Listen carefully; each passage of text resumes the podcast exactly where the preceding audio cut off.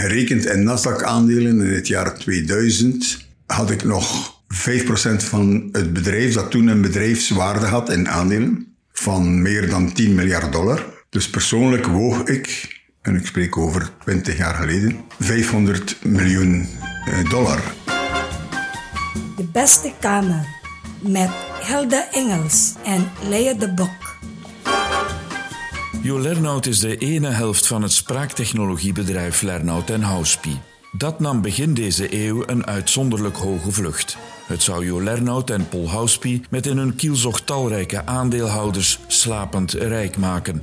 Het succes van Lernout en Houspie was zonder precedent in Vlaanderen en ver erbuiten. De beurswaarde van het bedrijf steeg in een relatief korte tijd tot 8 miljard dollar. Maar op deze piek volgde een pijnlijk diepe val. Er waren berichten over fraude en corruptie. In 2010 kregen Jo Lernout en Paul Houspie een effectieve gevangenisstraf. Jo Lernout verkaste naderhand naar de Filipijnen. Inmiddels is hij terug in België. Nog altijd berooid, maar vol ideeën. De beste kamer met Helda Engels en Lea de Bok. Grotendeels ben ik nog dezelfde persoon. Dat is bij elke mens hetzelfde, denk ik. Wanneer je opstaat, s ochtends ben je ineens weer degene die je altijd geweest bent sinds de jaren dat je zelfbewust werd. Hm, drie, vier jaar oud. En die persoonlijkheid van toen en mijn karakter en wat ik denk en waarin ik geloof is nog dezelfde als toen ik opgroeide in een gezin van veertien kinderen. Een zeer katholiek gezin. Niet zo ver van hier in het dorpje Heluwe. En ik voel me niet anders. Er zit geen ander ik-persoon tussen mijn twee oren dan toen ik nog een klein manneke was. Dat deel is gebleven. Wat veranderd is, is ehm, de kijk natuurlijk op het ondernemerschap. Waarvoor je als ondernemer eh, je passie aanwendt om iets te realiseren. De opbrengst daarvan en het zicht op rijkdom, dat is bijzonder stevig veranderd, moet ik zeggen. Dus dat gedeelte van mijn persoonlijkheid. Ik kijk wel heel anders naar hoe dat rijkdom verdeeld wordt in de wereld.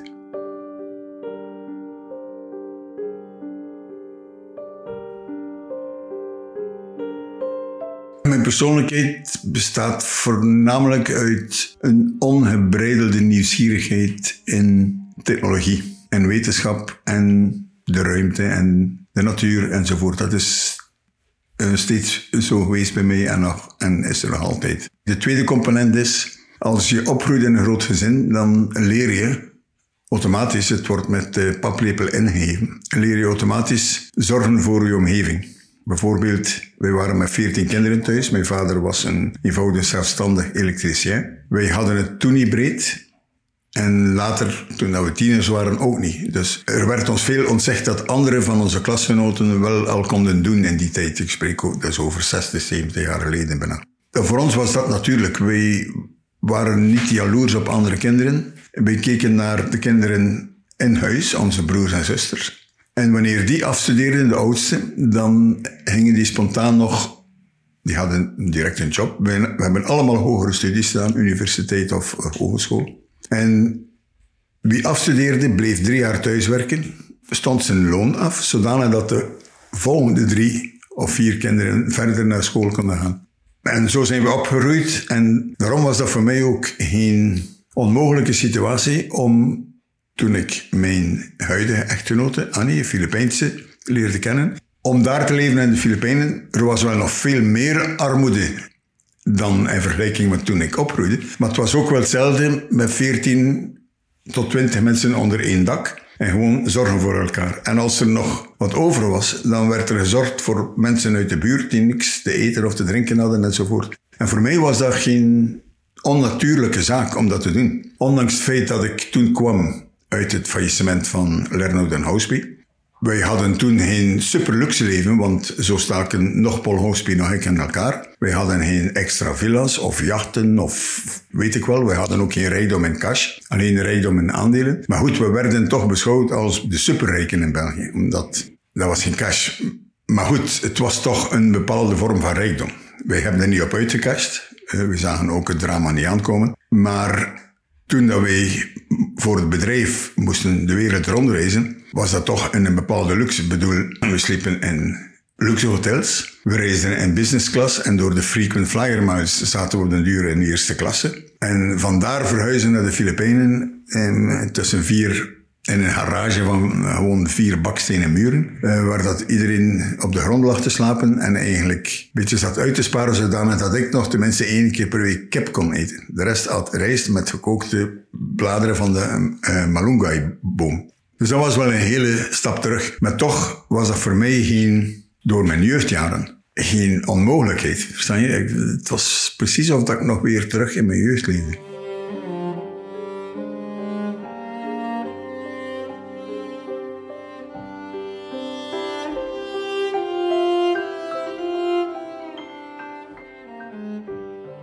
Je hebt uh, gesproken over de periode van uh, Lernout en en wat, hoe dat is geëvolueerd. Uh, wat heb je daaruit geleerd?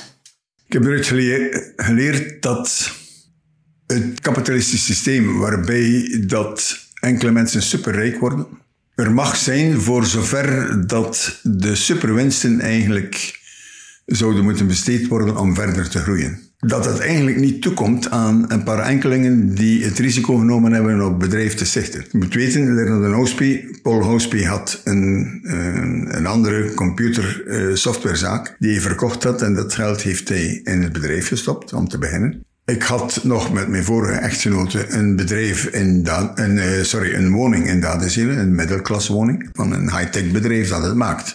Ik vind dat normaal en dat is goed. Ik, ik vind het niet normaal, en vond het toen al niet, Paul en ik vonden het toen al niet normaal dat degenen die het meehelpen opbouwen, zijnde de hooggescholden, de superintelligente ingenieurs, die wij altijd in dienst hebben gehad, zij hebben eigenlijk de rijkdom opgebouwd. Wij hebben wel het risico genomen, maar zij waren het die de technologie maakten. Wij hadden de visie, maar zij maakten de technologie. En dus zij zouden ook mee moeten profiteren. Dat is nu wel zo in Silicon Valley bedrijven, dat degene, de stichters en de eerste, de eerste werknemers, de hogescholen, worden meer rijk. Zoals bij Google. Google heeft duizenden mensen miljardair gemaakt. Eh, Apple ook enzovoort. Maar dan vonden wij dat ook daaronder iedereen, van zelfs de, de vaste poetsvrouw en de secretaresse enzovoort, van het gebeurlijke hoge de gebeurlijke hoge waarde van de aandelen, die wij verhoopten van in het begin al, dat ze daar ook van moesten meedelen. En dus gaven wij al van in het begin aan iedereen, doffies, iedereen die in het bedrijf kwam werken en voor een bepaalde tijd er verbleef, kreeg aandelenopties. En ze moesten daarvoor niet betalen. Dus daarin waren wij wel, denk ik, ik ben niet zeker, maar ik denk dat we toch voorlopers waren op dat vlak in België.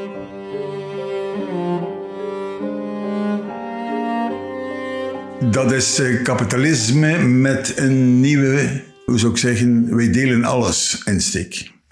Er zijn heel veel mensen bij ons die uh, ja, miljoenen uitgekast hebben op hun aandelen die wij hen gegeven hadden. Degenen die er al waren. Ja. Heel veel van onze vroegere werknemers hebben kasten van villa staan. En het is hun gegund. Ik bedoel, zij hebben het mee helpen opbouwen. Alles wat toen gebeurde is, heeft dat jou als persoon ook veranderd?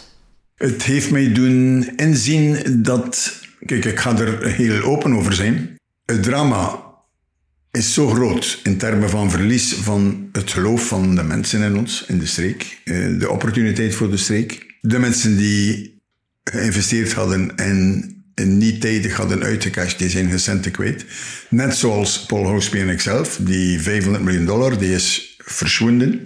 Waarom? Als het aandelen naar nul gaat, ja, dan heb je ook niks meer die vier, vijf, hoe zou ik zeggen, uh, schuldelementen wegen zwaar omdat ze eens uh, eigenlijk van hele grote envergure waren. Het was spotverdorie een, een, een echt Grieks drama. Het gaat om toch over 10 miljard dollar waarde die weg is. Dat is niet niks. Dat betekent, en dat heeft mijn persoonlijkheid dan toch wel geïmpacteerd, betekent dat je daar, het is zo groot dat tenzij je een enorm dik olifantenvel zou hebben. Maar het is zo groot dat ik daar elke dag mee opsta. Om de half uur komt er dan weer wel een flits van gedachten waarbij dat weer weegt op mij. Tot s'avonds ga ik gaan slapen. Twintig jaar lang. Men kan niet aan zijn eigen gedachten sleutelen. Niemand kan zeggen, ik denk daar nu niet meer aan. Er is geen magische sleutel waarmee dat je de knop kunt omdraaien en poets, denkt er niet meer op als je opstaat. Dus dat weegt mij. Dat is een rugzak die ik meedraag. En er zijn geen scharen voorzien om die lintjes van die rugzak door te, knap, door te knippen. Begrijp je? Dus dat is zo.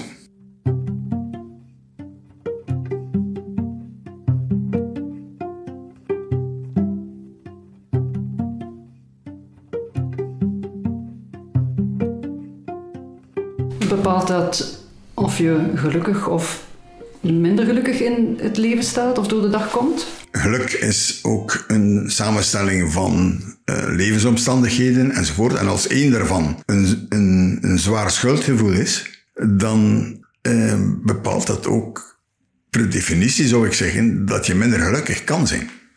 Dus daarbovenop komt bij mij nog maar dat heeft niks met de, de zaak eh, Lerno de Noordspiel te maken. Um, dat ik wel ook nog wel een schuldgevoel heb ten opzichte van mijn vroeger bestaan. Ik had uh, geld genoeg en we gingen ook telkens feesten. Ik heb heel mijn leven gefeest totdat ik eigenlijk begonnen ben met Lerno de Noordspiel en dan was het uit, want dat was echt wel werken dat je je eigen zaak uh, goed beheerde. En dus ik was eigenlijk een losbol vroeger, om het maar um, zo te stellen. En ja, dat heeft mijn huwelijk geïmpacteerd, mijn eerste huwelijk. En de schuld lag bij mij, niet bij mijn ex. Daardoor is dat huwelijk kapot gegaan. Niet door de zaak eigenlijk, niet door Lerner en maar door mijn vroeger leven. En daar heb ik ook extra spijt van. Ja, zij hield wel van mij en ik hield ook wel van haar. Maar luister, um, liefde gaat gepaard met ook een bepaalde, ja, rem die moet op je uh, leven zetten. dus dat kan je niet moeilijk ontkennen. En dus dat huwelijk is kapot gegaan en, en dat, ik heb dat leed persoonlijk veroorzaakt. En ja, ook dat heeft een schuldgevoel. Dus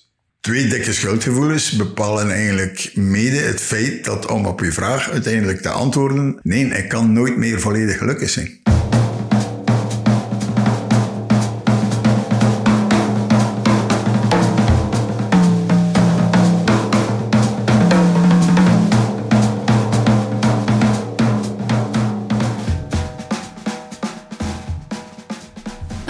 Of wat staat vandaag centraal in je leven? Ja, uiteraard mijn nieuw gezin, hè, Annie. Die helpt mij toch weer een nieuwe vorm van geluk te geven door de onvoorstelbare inzet die ze heeft zonder voorwaarden. Gewoon volledige overgave. Voor, ze leeft voor anderen. En die moet ooit een keer de Nobelprijs krijgen, denk ik. Die leeft gewoon voor anderen. Zo zijn vele Filipina's hoor en dan altijd opgeruimd en lachen en nog een beetje huid zijn ook en, zelfs als nodig is wat flirten met de omgeving, een beetje pit aan het leven, maar nooit over de schreef gaan. Altijd 100% trouw en ja, die, haar hart is groter dan haar portemonnee. Zij is ook zo, hè. Ja, heeft ze tekort van de maand, ja, we gaan wel een oplossing vinden, zeker. Ze wordt daardoor niet, niet kribbig of... Nee, die is altijd opgeruimd. Het is een uitzonderlijk persoon die er wel toe bijdraagt ze zorgt ervoor dat ik niet beland in een depressie. Versta je? Want ik, met zo iemand kunnen samenleven, dat helpt om geluk op te bouwen. En het is niet afkomstig van geld, want dat heeft ze ook niet. Maar het is afkomstig van gewoon de inzet en de vriendelijkheid en, enzovoort. En die lacht altijd, die is altijd opgeruimd. Ik zou dus gewoon niet meer eh, zo'n losbollig leven hebben, want dat kwetst mensen, versta je? En als je mensen kwetst, dan Ofwel moet je olifantenvel hebben, of heb je een geweten. En als je een geweten hebt, is dat een deel van de schuld je meedraagt. Daar kan je niet van onderuit. Het is zwart of het is wit. En dus dat deel zou ik al op anders doen. Ik zou doen wat ik nu doe met haar.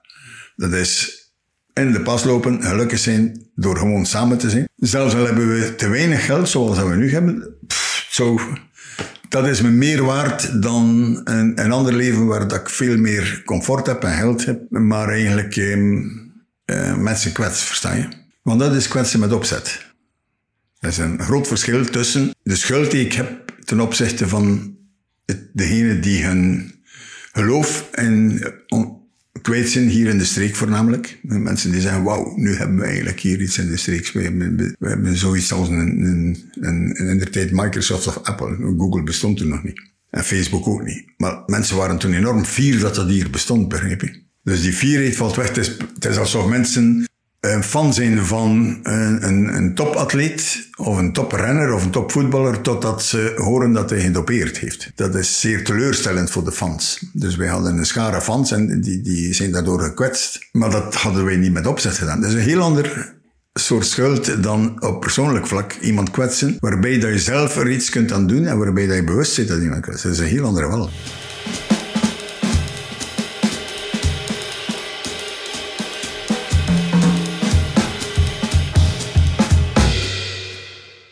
Annie zegt altijd dat ik een maîtresse heb en dat is mijn laptop. Ik moet laptop hebben en internet. En dan kan ik mij uren bezighouden. Ik lees, ik verslind alles uit pure nieuwsgierigheid. Dan haalt je dit jongetje van het vierjarig jongetje of achtjarig jongetje van zo lang geleden. Ik verslind letterlijk alles wat te maken heeft met nieuwe technologie en hoe dat kan een meerwaarde geven voor de de gewone burger. Dat is gewoon een passie van mij. Ik kan er niks aan doen. Maar, en ik lees daarover dagelijks. Dus met of zonder geld. Ik ben niet gekraakt als ik niks meer heb. Want dat is quasi gratis. Een laptop en internet. En dat, daarmee heb ik eigenlijk voor mezelf genoeg. Maar ik moet natuurlijk proberen wat meer op te bouwen. Ik heb een familie te onderhouden. Toekomstvormen, eh, ons dochtertje van 9 jaar oud enzovoort. Dus plus ook ik ben wel iets ongelukkig als ik niet meer kan ondernemen. Want het is leuk om er dagelijks over te lezen. Vijf uur aan een stuk is leuk. Maar ja, op een gegeven moment zei potverdorie, dat is iets, zeg. Oh, amai.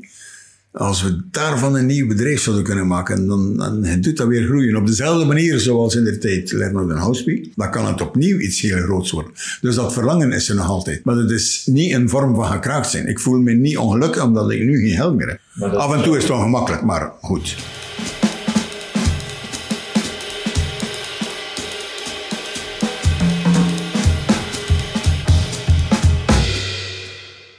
Wij zijn naar nul gegaan in waarde. En dan nadien heb ik geen... Zeer moeilijk als je het etiket fraudeur op je voorhoofd hebt om nog geld te vinden voor een nieuwe zaak. Zeer moeilijk betekent niet onmogelijk. Ik heb wat vrienden die nog wat nieuwe cash gegeven hebben om nog eens een nieuw bedrijf te proberen in de Filipijnen. Maar het was mijn branche niet, chocolade en daarachter bouwpanelen. en een land dat ik niet kende, is dat ook niet meer. Dus dat geld is ook weg, verdwenen. Dus sedert dat het faillissement werd uitgesproken en het aandeel dus definitief zero was, heb ik niks meer. Want nog Paul nog ik had een cash ervoor, we hadden geen aandelen verkocht. Als je het niet ziet aankomen, dan denk je ook niet na. We, we zeggen maar later wel een keer een deel uitcashen en dan ergens een keer een, dikke villa of zo kopen. Maar het is er nooit van gekomen. En ik bedoel, de val werd ingezet voor een leer dat we ook maar iets konden verkopen.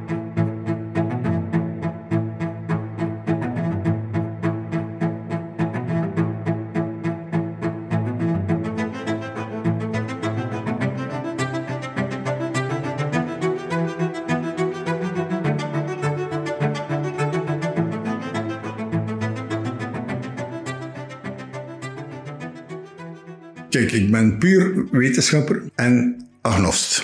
Als je probeert de kosmos en het zelfbewustzijn te begrijpen of te, proberen, te, bewijzen dat er een God is, of het omgekeerde te bewijzen, dan lukt dat natuurlijk niet. Geen enkele wetenschapper is erin geslaagd. Dus ik ben agnost. Ik weet het niet en ik kan het ook niet bewijzen dat het zo of zo is. Daarnaast denken veel wetenschappers en ook veel mensen die geloven, dat ons zelfbewustzijn en onze ideeën en onze vrije wil iets is dat niet alleen afkomstig is van die computer tussen uw twee oren, maar ook van iets erbuiten.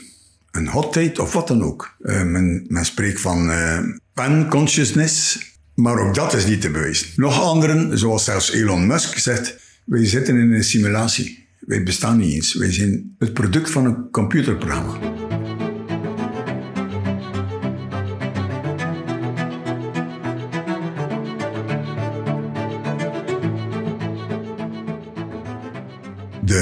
Waarden zijn dezelfde als die van bijvoorbeeld de katholieke kerk. De tien geboden, bij manier van spreken. Die zijn er voor mij evenveel na te leven als voor iemand die gelooft. Waarom? Omdat de software er ook, tussen ons twee oren, er ook voor zorgt dat je schuldig voelt als ze er niet naleeft. Dus komt het op hetzelfde neer. Alleen is het ene geproduceerd, het schuldgevoel, geproduceerd, of een geweten, geproduceerd door een mechanisme tussen die twee oren. En bij iemand anders die gelooft, zoals Annie, mijn vrouw, die zegt, ja, schuldgevoel is wat God ons heeft meegegeven, daarmee worden we geboren. En als we de spelregels niet volgen, ja, dan eh, gaan we ons schuldig voelen. En hebben, zijn we ook strafbaar, bij manier van spreken. Je gaat naar de hel.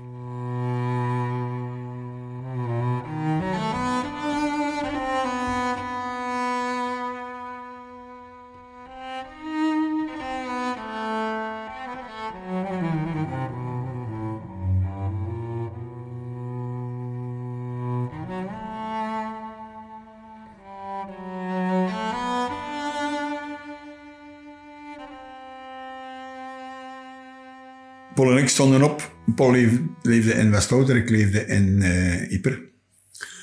Um, we stonden op, zo rond 5 uur 30 iedere dag. En tegen 6 uur kwamen we samen en we gingen wandelen in de bossen op de Kemmelberg, in de, de Rodeberg. Een uurtje. Daar praten wij wat over de zaak, maar ook veel over dingen die we nu hier aan bepraten zijn. En wij praten niet naast elkaar, maar gewoon proberen elkaar standpunt te begrijpen en er altijd wat van op te steken. Te proberen kunnen we iets leven. Met Annie heb ik nooit ruzie in de zin van zij gelooft en ik niet. Ik respecteer haar geloof. Um, mijn dochter probeert mij te overtuigen van Daddy, you have to believe in God. En ik zeg, meisje, you cannot force yourself. You cannot tell to yourself, from now on I believe in God. Dat is niet iets wat je kunt sturen. Hè? Net zo min als dat je je gedachten kunt sturen. Niemand kan bepalen wat hij of zij binnen vijf minuten zal hebben als gedacht. Dat is onmogelijk. Wordt gestuurd tussen de twee oren. Door een samenloop van dingen waarover nadenken. Plots zegt, ah, oké. Ah, ah, mijn broer komt thuis. Ah ja, ik was vergeten dit. Die gedachte kun je niet zeggen. Ik ga nu even niet denken eraan. Je kan jezelf niet sturen. En je kan dus ook jezelf niet opleggen vanaf nu geloof ik in een godheid. Ja, maar zegt Annie, wacht een beetje. We gaan wel zien dat er mirakels gebeuren in je leven. Ik zei, ja, we gaan zien. Zei ze, kijk, herinner u, dat was toen al zo, toen ons, um, Annie kon niet meer zwanger geraken, door een schade aan de eileiders. Maar dat moest in vitro gebeuren, dat konden we niet doen. Omdat het 15.000 euro kostte. Hinder. En zo toch naar België komen werken. Doordat ze hier werkte, werd, ze aan, aan de ziekenbond. En doordat ze toen nog maar 39 jaar was, was het gratis. We probeerden en het lukte. Ik zei, ja, dat is de wetenschap. Ik zei, dat is God niet. Ja, maar ongelovige Thomas, eh, dat, is, dat is een vorm van mirakel. Ik zei, oké, we waren heel blij, maar onze Stephanie was drie maanden te vroeg geboren. Dat is heel veel, hè? dus ik kon haar maar. Het was like een, een ratje, was minder dan een kilo. En dus in de neonatale in Dazet in Brugge, zeer goed uh, voor dat soort gevallen, uh, ze uh, opgenomen en behandeld. En ze kreeg dagelijks, moesten ze uit haar hoofdje vocht trekken.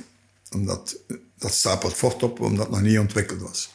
Na veertien dagen moesten ze dat veranderen en naar, want het was te pijnlijk blijkbaar, naar een, een pompje hier in, in de schedelpan en uittrekken via de terugmerg.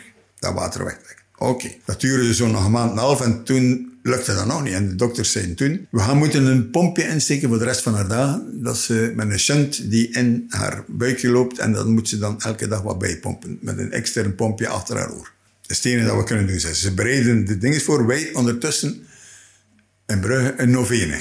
Ja, ik ben niet geloven, maar uit solidariteit, ik zeg, ga maar meedoen met die novene. Na negen dagen bericht van de dokters. We stoppen de voorbereiding van de operatie, want het water is wonderbaarlijk genoeg, onverklaarbaar, weggedronken.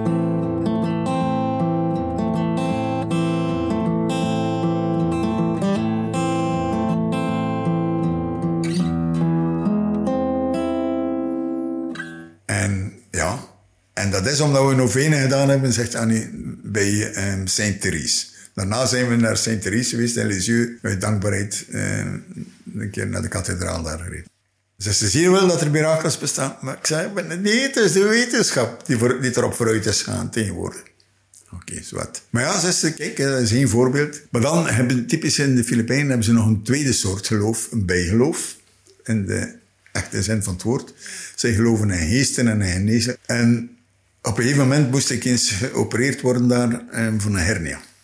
Ook een heel dure zaak. De dokter zeggen, kijk, het is kapot daar uh, aan je ruggengraat veranderd. Het is beter van twee titaniumstaafjes te steken tussen de ruggenwervels en daar iedere keer met titaniumveestjes de ruggenwervels uit elkaar houden. Oké, een specialist van Manila um, zei, we gaan dat doen. Budget, budget 10.000 euro. Ik zeg, ja, dat is niet niks, we hebben dat geld niet.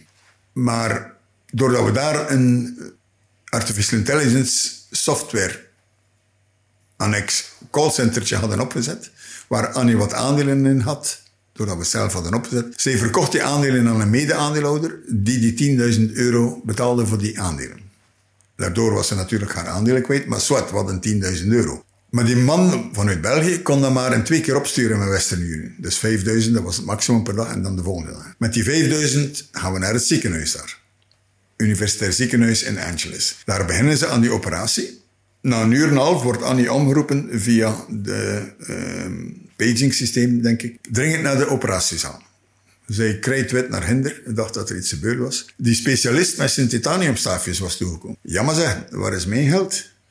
maar Annie zegt, ik heb een vriend die, vandaag 5000 heeft opgestuurd en morgen nog een keer. Ah ja, maar nee, zeg. Eerst geld op tafel, anders ook niet voort. Ja, maar zegt dan niet, wat gaan ze dan doen? Ah, ja, maar zegt ze, ze moeten hem maar terug dicht naar je, want ik was al open gesneden aan mijn rug. Ik lag je daar te wachten. Ze heeft dan heel haar familie opgetrommeld. Dat was zo rond kots na de middag. Op vier uur tijd. De ene zijn horloge gaan verpanden. De andere zijn een, smartphone. De andere een televisie. De andere alles gaan verpanden wat ze hadden. Nou, vier uur hadden ze 5000 euro bij elkaar. Alleen dan in pesos. Ze is gaan betalen en heeft dan voortgedaan. Het was wel goed gedaan. Daarachter zeg ik, allee, dat is misdadig. Dat mag zelfs niet volgens de Filipijnse wet. Annie zei, doet alstublieft geen proces aan. Ten eerste ga je toch verliezen, want die mannen zijn allemaal steenrijk en hebben advocaten. En ten tweede zult hier geen hospitaal binnen meer mogen in de Filipijnen. Dus we hebben dat laten vallen en het zo gelaten.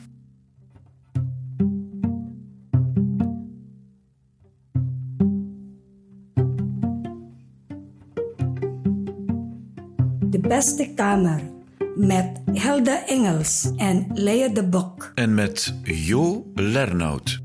Drie maanden aan een stuk erge pijn had, morfine moeten nemen enzovoort.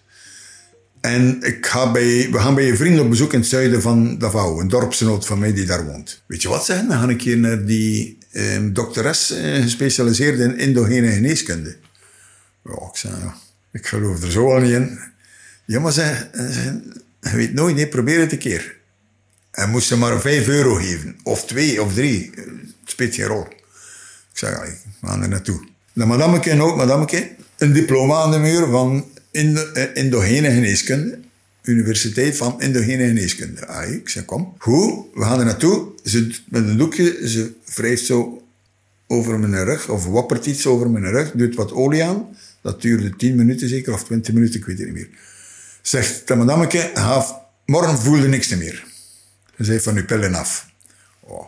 Ik zei, ja, wat het niet, gaat niet. En Sandra, als ik sta op, ik zeg tegen haar, ik zeg, ik heb geen pijn meer.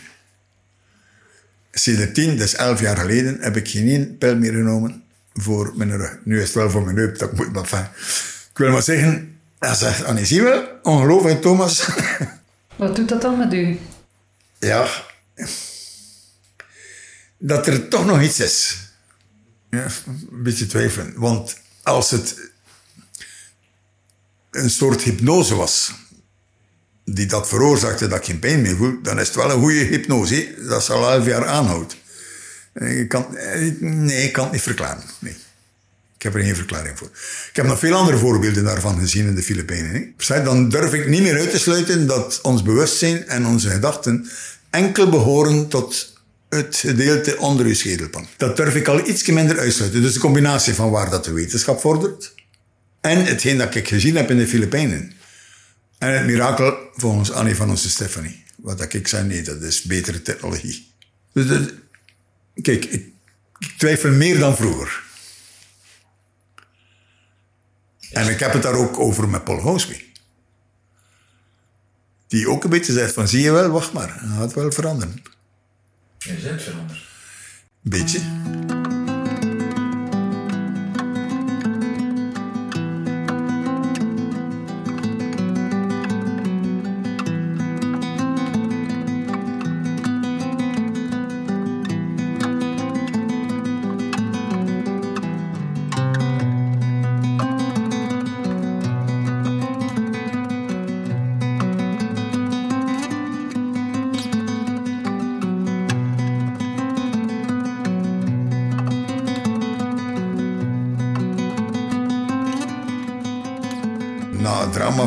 LNS heb ik nog het, uniek voorrecht van te mogen genieten van een limiet in Facebook van vrienden.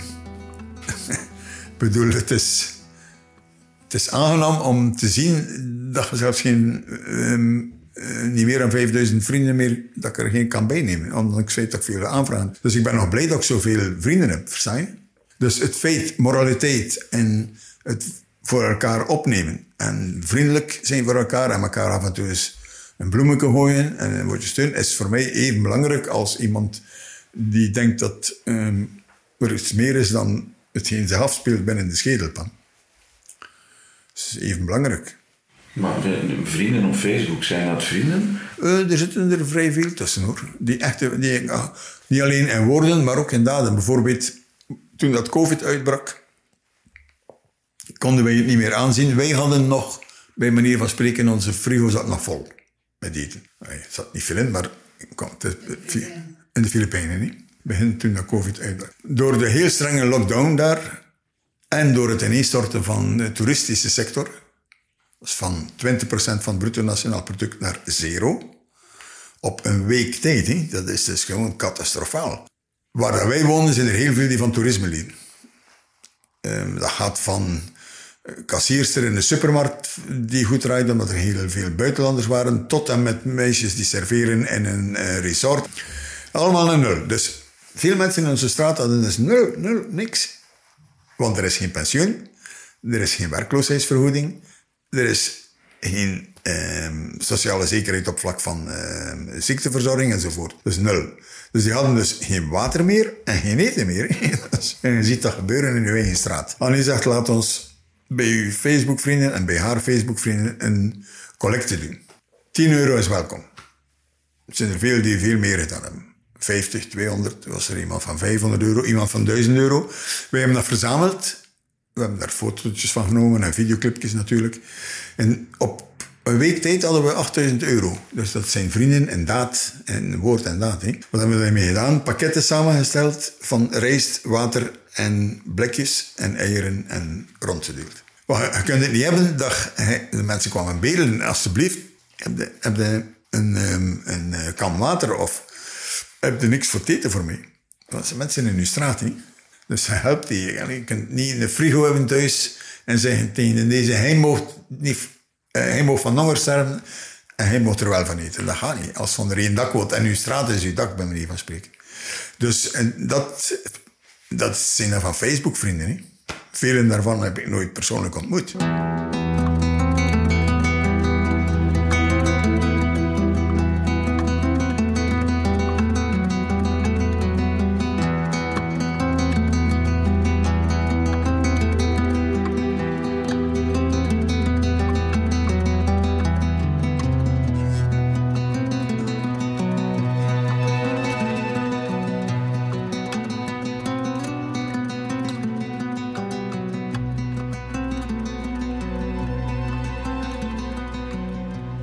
De Filipijnen jou veranderd als persoon? Gedeeltelijk. Ik was al iemand die daar eigenlijk zou kunnen gedogen omwille van, van mijn jeugdjaren en het grote gezin waarin ik opgroeide. Dus voor mij niet zo'n grote verandering, behalve dat het wel erg arm was. Ik heb ook ingezien dat langs de ene kant hoe ze met um, hun armoede omgaan of hun gebrek aan kansen zijn. Het is nu wel zo dat ze zelfs degenen die arm zijn, hebben nog wel te eten en kunnen nog wel een drinkwater raken en kunnen ooit ergens wel onderdak vinden. Het is niet zo dat mensen op straat liggen te sterven. He. Er, is, er is ook een grote solidariteit. Ik heb dat, en boven die mensen zijn altijd welgezind. Die, die zijn altijd welgezind. En ik, En die herstellen, ze hebben 20 tyfoons per jaar, dus gewoon. Komt er nog een keer vijf of zes aardbevingen bij. Met landverschuivingen en noem maar op. En ja, die herstellen dat met of zonder steun van de overheid. En goed, oké. Veel veerkracht en altijd welgezind. Het is dikwijls zo dat mensen ongelukkig zijn omdat ze niet drie keer op vakantie kunnen gaan of geen tweede auto hebben of geen heel groot scherm, eh, tv-scherm kunnen kopen. Omdat de buren hebben dat ook. En hun vriendjes hebben dat enzovoort. Maar in de Filipijnen heeft er niemand niks. Verandert wel hoor. Ik bedoel, begint een klein beetje consumentenmaatschappij te worden. Amerikaanse invloed, tv-invloed, smartphone-invloed. Maar eigenlijk hebben ze nog altijd niks. En ja, dat ze niet op vakantie kunnen gaan. De kindjes op school, als iedereen, eh, zoals nu nog altijd, een uniform is verplicht. En allemaal hetzelfde hebben, ja, dan moeten ze op elkaar niet jaloers zijn, omdat de een een uh, Nike heeft en de andere een uh, gewone uh, basketbalschoentjes. En dat heeft ook mij een, op mij een invloed, omdat ik zeg, kijk, we hebben het beter als alles bij elkaar telt. Zelfs al hebben we tekort iedere maand, hebben we nog beter dan veel anderen. En we klagen niet. En ik zie dan dat heel, de familie klaagt ook niet. Ik bedoel, ze behandelen mij daar als een, als een koning. Tuurlijk, ik ben degene die met zijn pensioen iedereen eh, kan een leven houden, maar het is, het is niet zo van, uh, ik ga je helpen als ze mij geld heeft. Nee, ze zijn zo. Ah ja, de ene zet mijn pantoffels klaar s ochtends. De andere moet van Annie ervoor zorgen dat mijn verse kleren klaar liggen. Nog een ander, haar mama, maakt dan havermout ochtends, enzovoort. Dus, en ik maar aan mijn computer zitten. Dus ik word daar gediend aan de prins. Of hebben we niks, dan, dan zitten mensen die menselijkheid rondom me.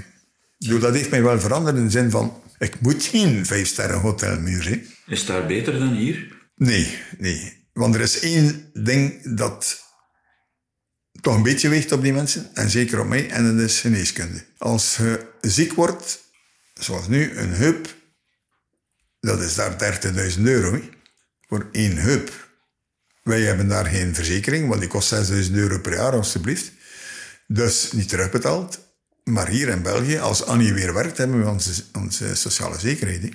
Daarom gaan ze ook hier weer gaan werken.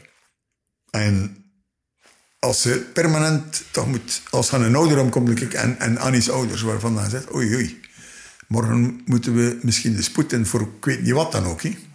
Haar vader heeft permanente hoge bloeddruk, haar moeder heeft ehm, diabetes en, en udeem enzovoort. Maar die kunnen niet naar het ziekenhuis. He. Wij helpen hen een beetje door geld van hieruit naar hinderuit op te sturen. Zodat ze tenminste hun medicatie kunnen betalen. Zie je, dus dat is iets waarvan ik vind het Belgisch model zeker het Scandinavisch model, is toch wel beter dan de Filipijnen hoor. Het slechte weer neem ik er wel bij. Het was toch te warm, Hinder. Dat kan niet uit hoor. Nee, ik leef graag eenvoudig en het moet geen luxe zijn. is echt niet meer nodig.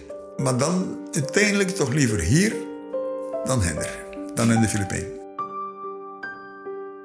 Als het nu anders was gelopen, zou je dan de man geweest zijn met de dikke villa de chique wagen. Zou je dan die mens geweest zijn? Eh, toch wel een beetje hoor.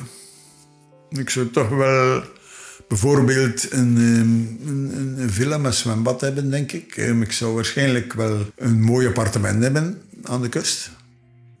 Een buitenverblijf, omdat ik in de tijd destijds graag ging gaan skiën, in, in, Zwitserland bijvoorbeeld. De jacht zou ik niet moeten hebben, want daar hou ik toch niet van. En geen Maserati, maar uh, zo'n keer een dikke BMW. Zo. Want ik reed daar vroeger ook graag mee. Maar het contrast tussen die villa, die Maserati of die dikke BMW, dat appartement aan de kust en waar u nu, hoe u nu leeft. U heeft niet eens een eigen huis hier. Nee. nee. Wat doet dat met u? Eigenaardig genoeg niet veel. Vind het een lastig. Um, in de zin van geen eigen huis hebben, potverdorie, als de huur daar is, uh, te betalen. Um, of je moet opletten op het eind van de maand dat je weer dat en dat niet kunt kopen. Dat vrij rudimentair is, maar dat je dan toch niet kunt kopen. Ik zeg maar iets. Uh, we kunnen bijvoorbeeld... We hebben zodanig weinig en ook geen assets dat we een keer niet kunnen zeggen... Het is uw verjaardag, we gaan nu een keer naar de Saint-Nicolas in Ipper met z'n twee sterren. Dat kan niet. Annie gaat dood van, van, van schaamte dat dat iets van 300 euro zou kosten met de wijn erbij. Daarmee kan ze, potverdorie, zoveel mensen eten geven in haar familie. Dus die zou het niet eens appreciëren, versta je? En ik zou ik zou niet weten dat ik zou moeten betalen. Maakt mij dat kapot? Nee. Waarom? We hebben ook genoeg eten. Gewoon eten. Ik maak hier zelf mijn broccoli soep, zoals mijn, mijn moeder dat in de tijd maakt. kon we niet maken in de Filipijnen, het was te duur, broccoli. Enfin, ik wil maar zeggen, nee, daar ga ik zeker niet kapot van. Dat ik dat nu niet heb wat ik ooit vroeger dat had, vandaag hebben we toch niet. Stel dat je niet eeuwig jong blijft Ja. en dus op een dag het beeldje bij neerlegt, Ja. hoe zou je graag hebben dat de mensen jou herinneren? Aan dit gesprek. Want zo ben ik. Alles wat ik gezegd heb, komt uit mijn hart. Dus als ze dit gesprek herinneren en ervan opsteken wat er van op te steken valt, dan zal ik zeggen: Oké, doe maar je ogen dicht.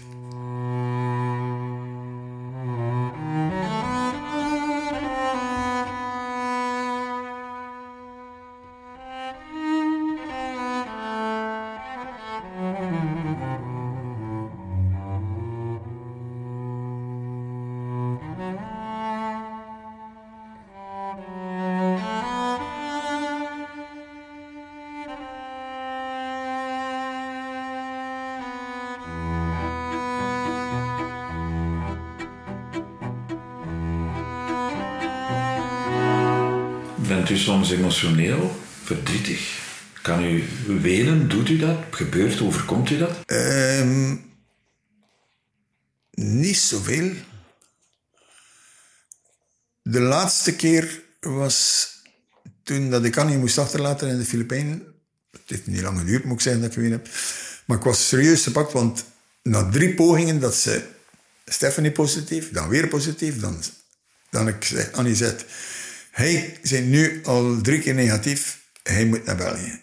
Hij is 73 jaar, als ze hier in het ziekenhuis belandt van COVID, haal het niet met uw diabetes. Dus hij zei, heb nu een ticket, ga maar. Maar zij, ik moest haar dus achterlaten in de Filipijnen. Ze was doodziek van COVID. En ik zei, ja, wat moet ik nu doen? Als ik hier blijf, heb ik het vlaggen niet volgende maand. En dat is echt daar wel een risico mee. Maar als ik haar hier achterlaat, dan ga ik mezelf nooit vergeten als zij dan in het ziekenhuis belandt. En dus toen ik haar moest achterlaten en Stephanie moest achterlaten, heb ik even een traantje gelaten in de auto. Dat mocht toegeven. En ja, hoe lang is dat nu geleden? Zes weken. Maar ik had het lastig, moet ik zeggen. Ze stond daar te trillen, like een, een doodziek vogeltje. En ik zei, potverdomme, ik moet haar achterlaten. Stel dat ze in het ziekenhuis geraakt. En, en, ah, nee, ik mocht er niet aan denken. En een andere keer was toen dat we...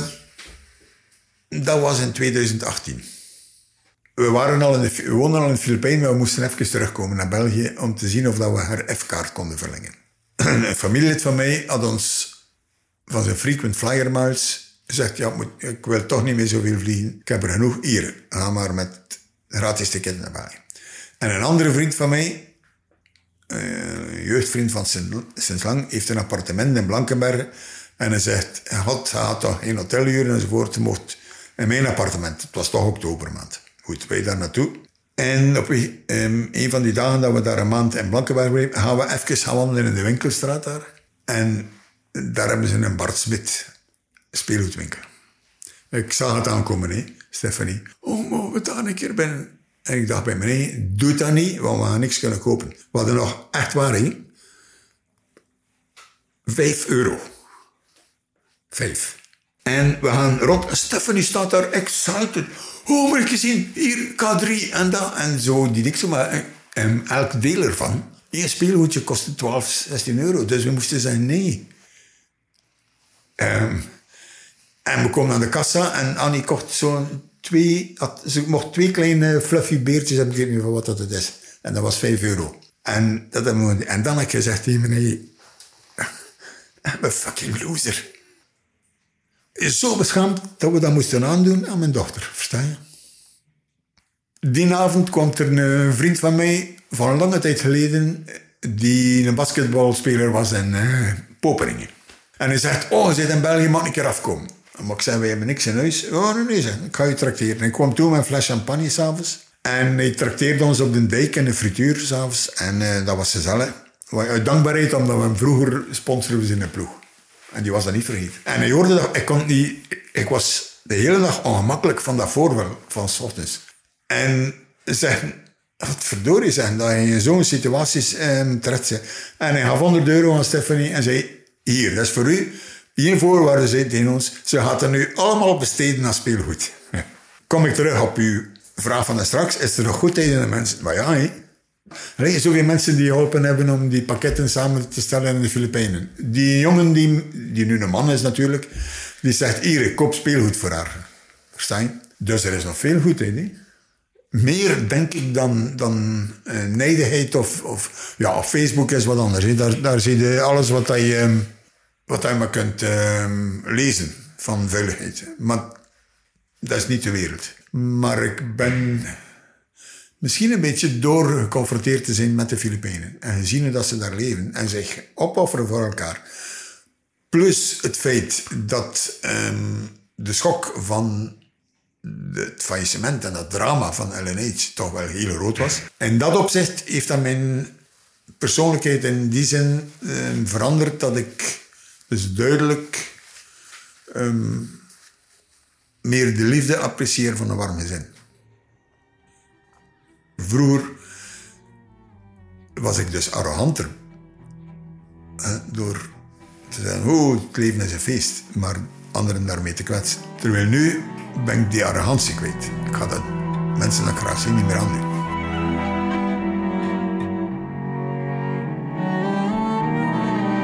Dit was De Beste Kamer. Een programma van Hilde Ingels en Leo de Bok. Met Jo Lernout.